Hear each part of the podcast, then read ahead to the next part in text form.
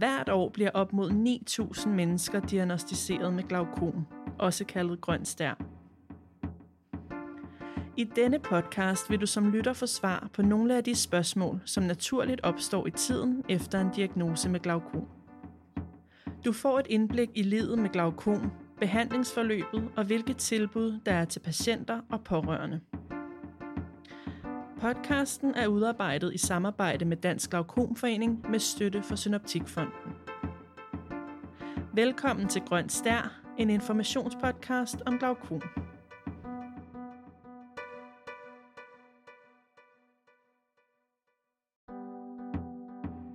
I denne episode vil du få indsigt i, hvordan forskningen og fremtiden ser ud inden for glaukomområdet. Hvordan ser forskningen ud inden for kirurgi og medicin, og vil man i fremtiden kunne helbrede glaukompatienter? Først ser vi dog nærmere på den aktuelle forskning inden for diagnostiseringen af glaukom. Klinisk lektor ved Institut for Klinisk Medicin ved Aarhus Universitet, Niklas Tillinius. Ja, man kan sige, at diagnostikken kommer jo også til at fylde mere og mere.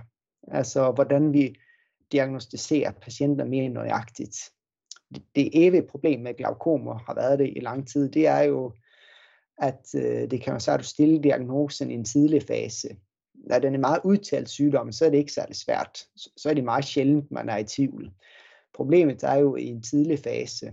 Og det er også derfor, det kan være svært at screene for glaukom, sådan at man ligesom siger, at alle, der er 50, skal ind til en sådan øh, standardiseret undersøgelsespakke. Fordi at det vil være rigtig mange, som vil få måske stille diagnosen, uden at de havde det. Og så kan man sige, så kommer vi tilbage til det der med, at, at til start med, så er det jo behandlingen, der måske er nedsat af livskvaliteten, og ikke sygdommen. Hvor man så overhovedet ikke har sygdommen, men kun er i behandling, så er det jo faktisk kun øh, en ulempe at få stillet den såkaldte diagnose. Så man skal jo, det, er jo, det er en stor ting at stille en forkert diagnose, fordi man iværksætter jo en behandling, som er livslang. Altså, medmindre der det er nogen, der senere revurderer det og siger, at du har ikke diagnosen. Men det er jo også vanskeligt at gå tilbage, altså senere at sige, stop en behandling. Altså. Så når man begynder, når man stiller diagnosen, så er det jo som regel faktisk for resten af livet. Og man er 50 år og får en diagnose, som er forkert, så er det rigtig mange år, man skal gå og drøbe øjne, uden at, der grund, uden at der er en grund til det. Så vi har brug for sådan mere korrekt diagnostik. Altså vi skal både fange det syge, men vi skal også undgå at stille diagnosen til de raske. Og det, det, der er vi ikke endnu. Altså vi har ikke sådan en undersøgelsespakke, som sørger for, at vi fanger det syge, og undgår at stille diagnose til det raske. Så om vi kunne gøre det, så kunne vi screen for glaukom, og så kunne vi faktisk fange alle. Hvor om vi fanger alle i en sådan en sådan relativt tidlig fase, så vil jo langt de fleste kunne undgå at blive synshandicappet. Altså så vil de kunne leve med sygdom, uden at den påvirker deres, deres liv. Så øhm, der kommer nogle diagnostiske udfordringer, eller forhåbentlig kommer nogle udvikling inden for diagnostikken, der gør, at vi kan gøre det bedre, end vi kan det i dag. Det handler altså om at få diagnostiseret de rigtige inden for glaukomområdet både for at fange patienterne hurtigst muligt i sygdomsforløbet, men også for at undgå overdiagnostisering. Med udgangspunkt i denne målsætning, hvad forskes der så konkret i? Overlæge ved Rigshospitalet og professor ved Københavns Universitet, Miriam Kolgo.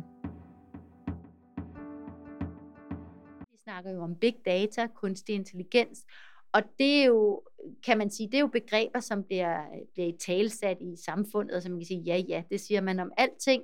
Men ikke desto mindre, så mener jeg også, at, at vi har rigtig gode muligheder for, at det også bliver noget, der spiller ind, når vi skal risikoinddele befolkningen. Der har øh, min forskningsgruppe et stort projekt sammen med andre øh, førende forskere i, i, i, i Danmark, primært Københavns Universitet, og Synoptik, et stort forskningsprojekt, der hedder Projekt Forever, som jeg da håber, at alle vil gå ned og deltage i, hvis de går ind i en Synoptikbutik.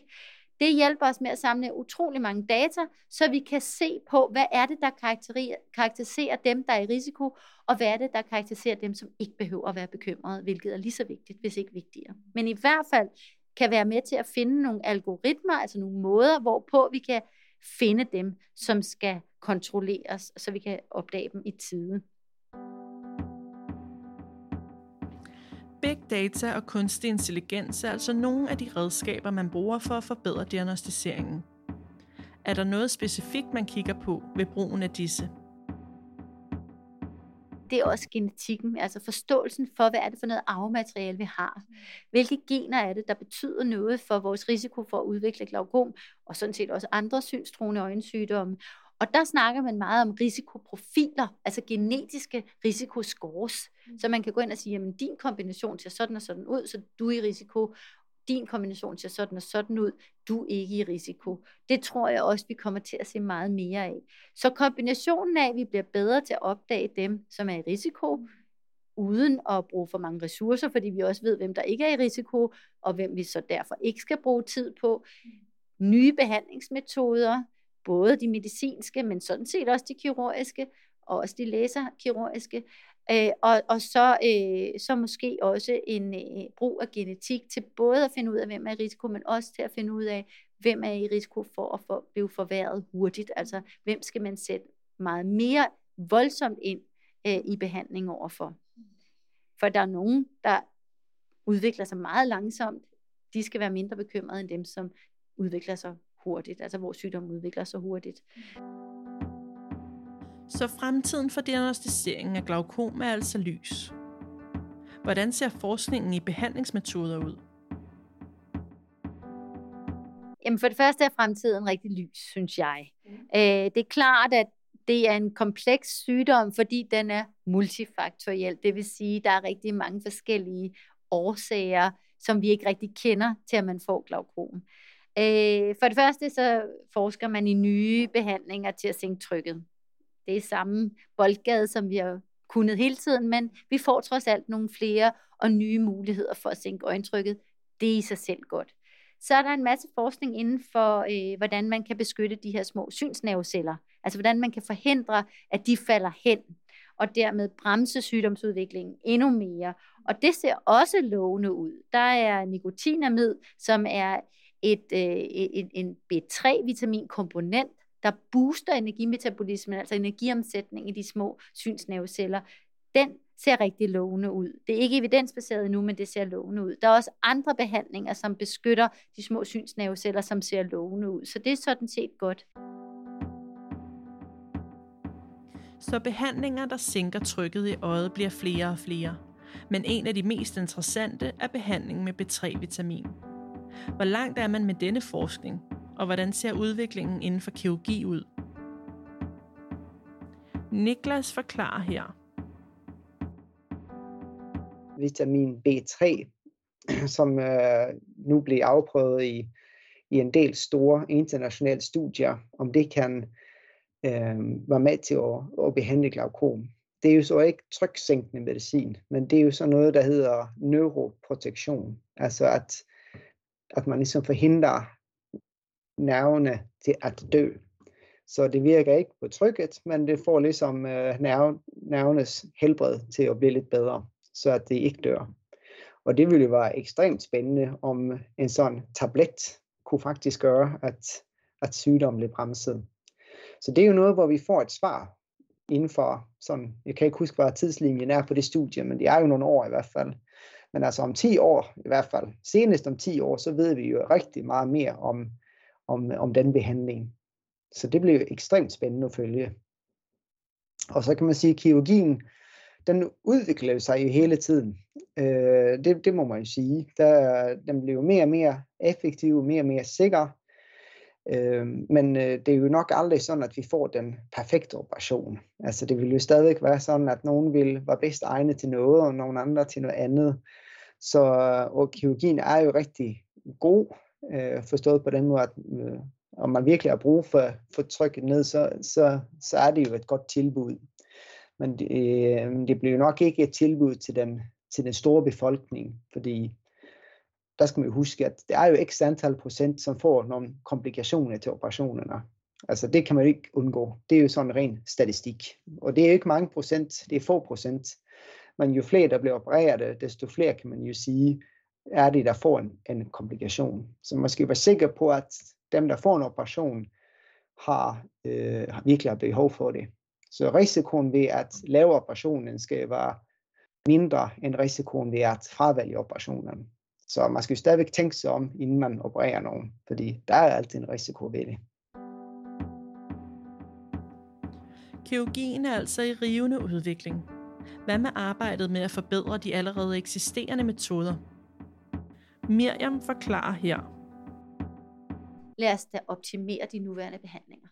Lad os da gøre det, der er allernemmest. Det er at få de behandlinger, som er tilgængelige, lad os få dem gjort mest optimale. Og det er så noget som at undgå at putte rotalon i øjendråber. Fortæl vores patienter om, hvordan de kan få mindst mulige bivirkninger. En anden ting, som også er vigtig, lad os da lade være med at tage velfungerende medicin af markedet. Det sker også desværre. Det er et spørgsmål om økonomi. Lad os få rejst de her politiske problematikker, også omkring kopimedicin. Lad os sørge for, at kopimedicin bliver ved med at være der, for det er det bedste for konkurrencen og for priserne. Men lad os også sørge for, at vi ved, at de har samme effekt og samme bivirkningsprofil som de originale øh, øh, præparater, som der er brugt rigtig mange penge og rigtig mange ressourcer på at undersøge grundigt, mm. inden de kom på markedet. Det synes jeg er væsentligt også. Og det er sådan set noget, som vi kan gøre nu, her og nu.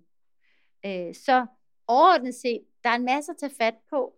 Jeg er positiv. Jeg tror, vi kommer til at se rigtig mange nye måder at håndtere hele glaukompopulationen på fremadrettet. Også andre øh, synstruende øjensygdomme. Og man kan sige, hvad er målet? Jamen det er vel at udrydde dem. Men hvad er det mest realistiske mål? Det er at mindske dem, og så i øvrigt behandle dem på den bedst mulige måde. Ikke? Øh, som er samfundsøkonomisk øh, rigtigt, eller bedst øh, men også så patienterne får den bedste livskvalitet. For at opsummere episoden kommer her tre punkter, som er vigtige at tage med. 1.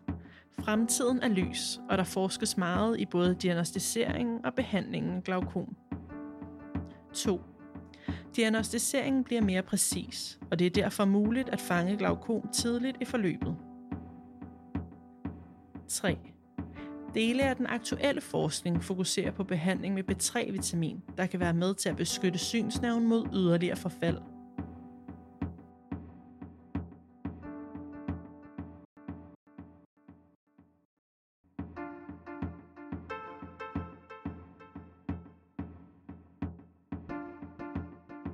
Du har lyttet til Grøn Stær, en informationspodcast om glaukom.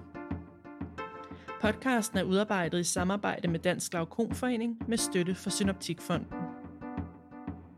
Vil du vide mere om glaukom, kan du finde links i noterne til episoden. Tak fordi du lyttede med.